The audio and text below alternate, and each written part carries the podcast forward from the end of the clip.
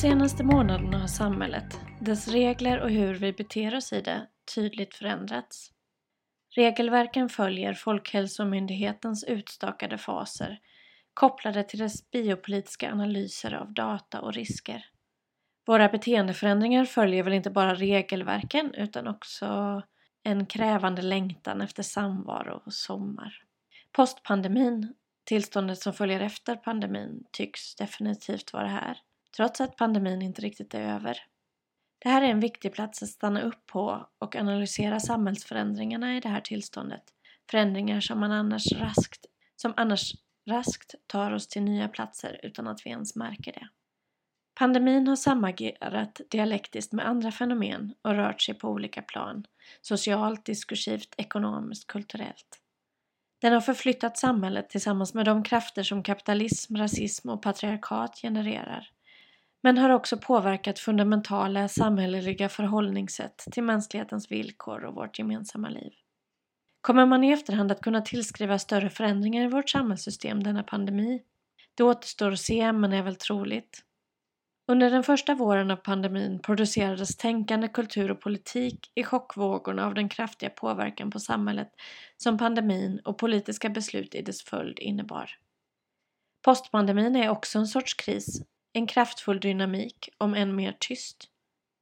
Det finns all anledning att i det här läget analysera vad som skett och vad som sker och vart vi kan rikta oss framöver. Var är vi, samhället och de radikala rörelserna på andra sidan pandemin? Hur mår vi? Hur relaterar vi till varandra? Den här essän är ett försök att, med hjälp av en del av den litteratur som vi har läst i krakelcirklar under vintern och våren, peka på några aspekter av den postpandemiska situationen. Jag tänkte fokusera på den ökade digitaliseringen och dess potentiella effekter, på förutsättningarna för gemensamma känslor, möten och offentlighet, samt på möjligheterna till motstånd och förändring. Men jag vill med den här essän också uppmana andra att reflektera över sakernas tillstånd i postpandemin. Kanske genom Krakel, där alla medlemmar är välkomna att publicera texter, eller i andra forum. Samtalet behöver vi ha. Den ökade digitalisering som pandemin fört med sig märks på många fronter. Internethandeln har ökat, gigekonomin har fått en rejäl skjuts, vi konsumerar mer underhållning och kultur på internet. Vi umgås mer digitalt och vi arbetar på nya sätt. För oss med tjänstemannajobb har alla timmar i mötesrum med kaffekoppar ersatts av ännu fler, om än kortare, möten i digitala miljöer där vi deltar från den fysiska platsen hemmet. Den snabbt ökande digitaliseringen innebär strukturella förändringar i kapitalismen och i våra livsvillkor och därför kräver de analys och i vissa fall motstånd. Den svenska ekonomin har inte påverkats så kraftigt som vi befarade, säger politikerna nu. Nej, det beror på att det har varit en prioritering att hålla handeln igång och att politiker, i samma andetag som de uppmanat oss att hålla avstånd och rädda liv, påmint oss om vikten av att fortsätta handla, men över internet. Förflyttningen från nu allt mer döda stadskärnor till internethandel innebär att ett steg i produktions och konsumtionsprocessen som vi tidigare själva har stått för, själva hopplockandet och hemförandet av varor, nu har dragits in i arbetsmarknadens exploatering. I Krakels temavecka om pandemi och gigekonomi förra hösten talar vi om den hårda exploateringen av gigarbetare och om vad som sker med vårt samhälle när kulturarbetaren måste sätta sig på en Foodora-cykel istället för att ha råd och tid att bedriva samhällskritik eller skapa icke-kommersiellt estetiskt värde. De frågorna är viktiga att hålla vid liv nu. Jag tänkte dock uppehålla mig mer vid vad det gör med oss som människor att arbeta och leva allt mer digitalt. När jag sitter vid mitt köksbord och går från Teamsmöte till Zoom-möte med helt olika fokus i olika rum och sammanhang i olika delar av landet så kan jag inte låta bli att tänka på Katrin Malabos Vad ska vi göra med vår hjärna? Som vi läste i en krakelcirkel i vintras. Malabo driver tesen att nyliberalismen och senkapitalismen arbetar utifrån en modell av vår hjärna som flexibel och allt mer töjbar. I själva verket, menar Malabo, med basis i neurovetenskapen, är vår hjärna plastisk och inte flexibel. Den är formbar och omformbar, men inte hur som helst. Vad gör det med våra hjärnor att ständigt vara närvarande i ett stort antal miljöer och sammanhang genom våra skärmar? Jag misstänker att kraven på tillgänglighet och flexibilitet i och med hemarbetets digitala förskjutning inte kommer att minska i postpandemin. Det är en komprimering i tid och rum som det innebär att jag kan ha ett möte med kollegor i Malmö ena halvtimmen för att nästa halvtimme prata med någon i Stockholm för att timmen efter presentera mitt arbete på ett seminarium med deltagare från hela landet innebär en effektivisering av mitt arbete som arbetsgivaren givetvis vill behålla. Och hur ska det bli med alla möten, konferenser och seminarier för akademiker och tjänstemän vars nödvändighet finns skäl att ifrågasätta om man betraktar saken ur ren effektivitetssynpunkt och inte räknar konferensknull som något med ett värde i sig. Ja, det är en viss sorts potens som går förlorad utan den sortens träffar, lösa i kanten och utan förutgiven effektivitet. Men framförallt har nog den här onyttigheten som tagit plats i många arbetsliv inneburit någon slags barriär mot det omänskliga effektivitetstvånget. Har vi nu förlorat många sådana ytor av liv som tidigare smugit sig in i arbetslivet? För min egen del är det tydligt att de krav på mig som redan var för höga kvarstår som för höga eller till och med höjs. I postpandemin förväntar jag mig att behöva vara tillgänglig både fysiskt och digitalt. Nu när vi kan vara tillgängliga för nästan vem som helst, var som helst, varför skulle vi inte vara det då? Och finns det någon chans att återta de ineffektiva, trevliga och livsnödvändiga mellanrummen som skalats bort i hemarbetet? Jag går in i postpandemin stressad och jag är inte ensam om det. Det hela sker på bekostnad av våra hjärnor. Det är mycket logistiskt praktiskt men väldigt kognitivt slitsamt att utan fysisk förflyttning röra sig mellan helt olika rum och sammanhang. Jag tror att bara borttagandet av den cykeltur som krävdes för att jag tidigare skulle kunna gå från ett möte på ett kontor till ett möte på ett annat kontor innebär en sorts förlust för min hjärnas möjlighet till återhämtning och omställning. Nu förväntas vi boka in möten rygg i rygg som det heter på Office Lingo, utan mer än en kort andningspaus emellan. Det är ju smidigt när man ändå bara sitter hemma. Men vad gör det med min hjärna? Det är tydligt för mig, på ett sätt som jag inte kan belägga neurovetenskapligt men tveklöst upplever och lider av, att det leder till att ännu mer av min hjärnas kapacitet tillfaller arbetsgivaren och ännu mindre mig. Våra hjärnors fantastiska möjligheter till kreativitet, reflektion, relation, sinnliga upplevelser är inte outtömliga. I det senkapitalistiska samhället i västvärlden är det för många våra hjärnor mer än resten av våra kroppar som är till salu. Våra kroppar kan ju till och med stanna hemma nu. Och här står en viktig konflikt mellan arbete och kapital om just denna hjärnkapacitet, om hjärnans plasticitet och dess möjligheter. Jag hyser en stor oro för att pandemin har inneburit att kapitalet har vunnit strider i den här konflikten på vår bekostnad. Postpandemin måste därför innebära att vi politiserar det digitaliserade arbetet och gör motstånd. Våga vägra Teams. Men det är inte bara på jobbet som digitaliseringen har satt sina spår. Umgänge och upplevelser har också behövt ske på skärmen under pandemin. I vilken grad kommer det att sitta kvar i postpandemin och vad innebär det?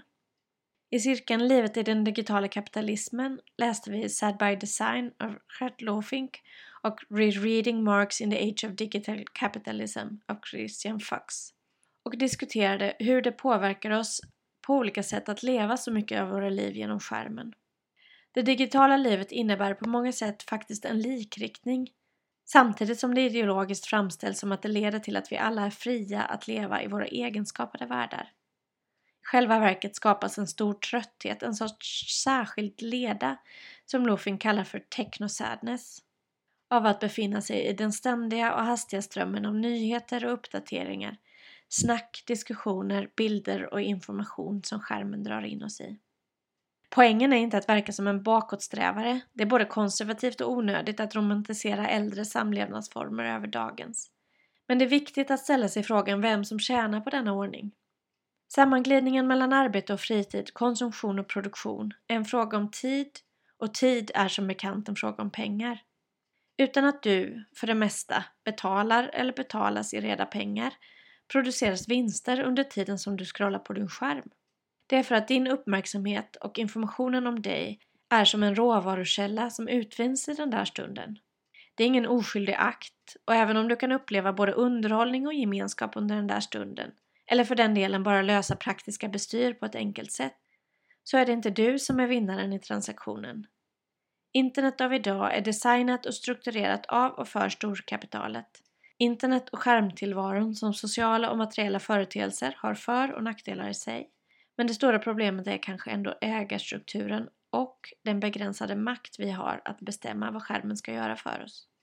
En ökad digitalisering innebär i den här ordningen ökade vinster åt storföretagen på din fritidsbekostnad. Det finns anledning att vara uppmärksam på sin uppmärksamhet. Hur återtar vi mer av den när postpandemin öppnar dörrarna till fysisk samvaro igen? I slutet av våren har jag, tillsammans med en krakelcirkel, läst boken Radical Happiness av Lindsey Gall, som vi pratade om i förra avsnittet av Krakelpodden.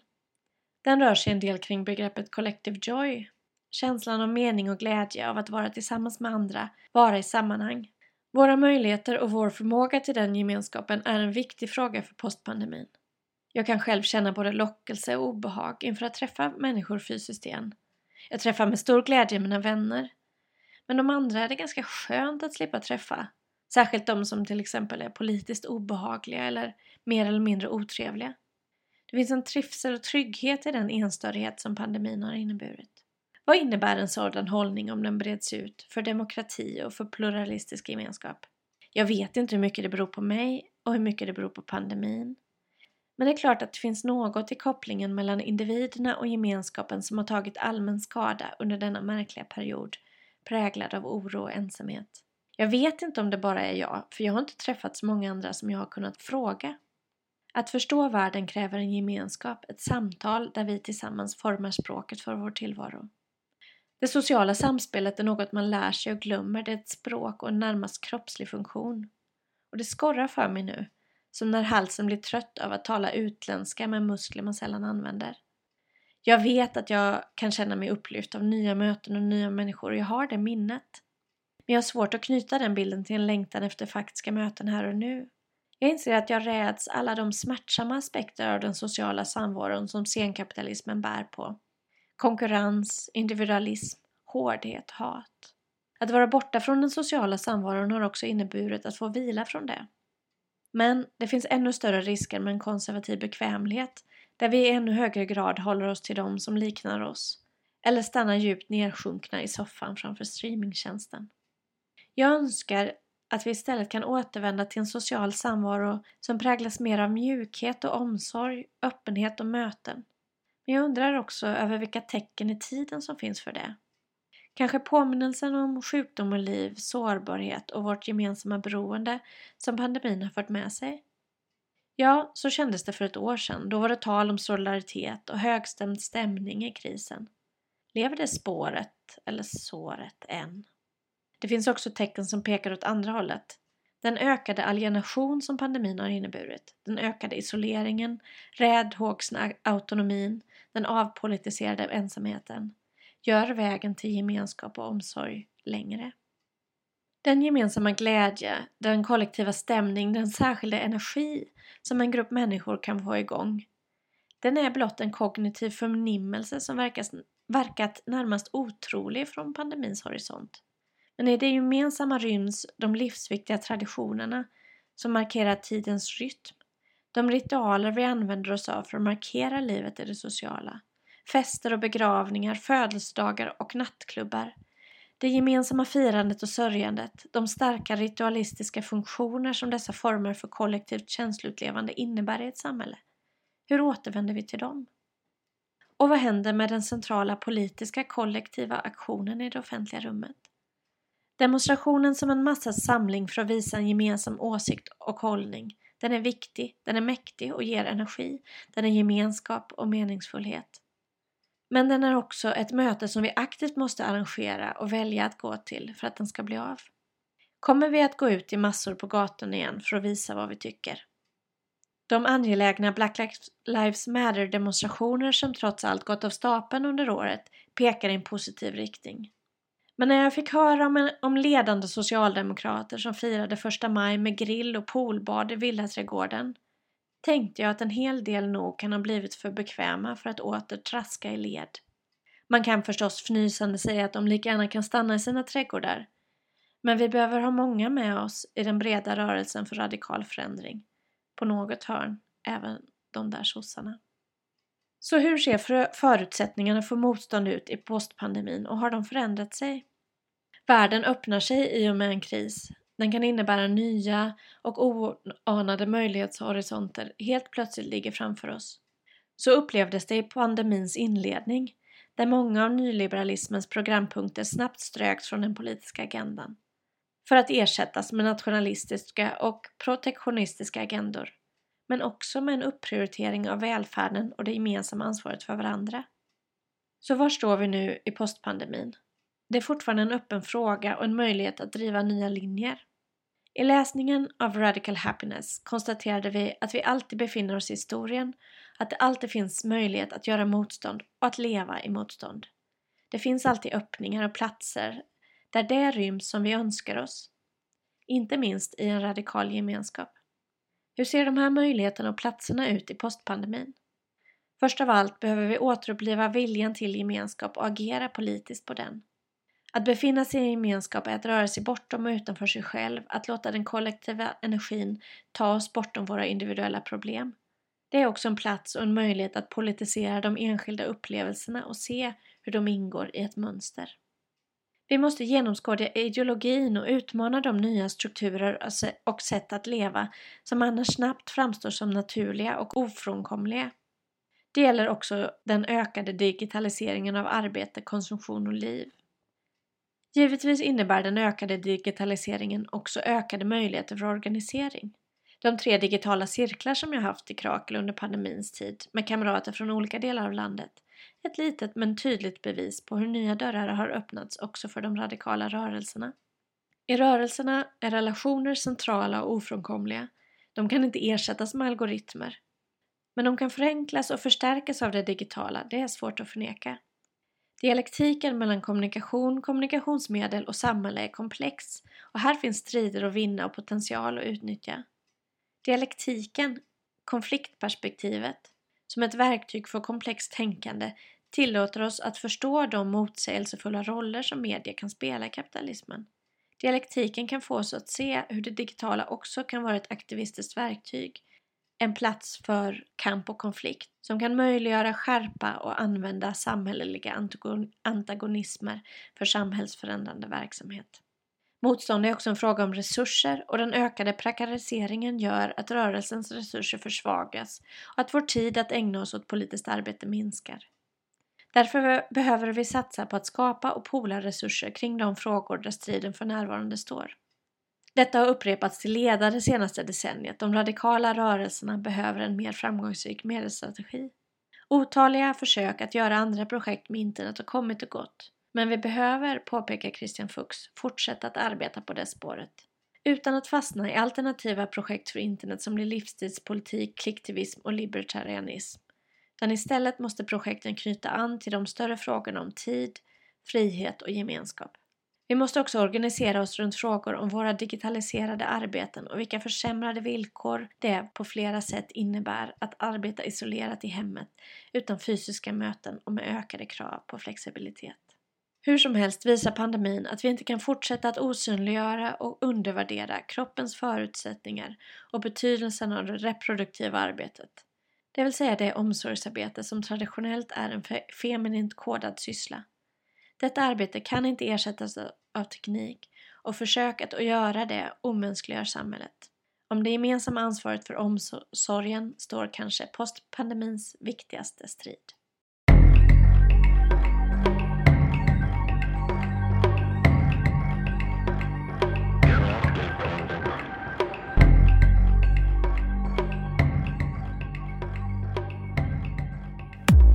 Du har lyssnat på en podcast som görs i samarbete med ABF Malmö.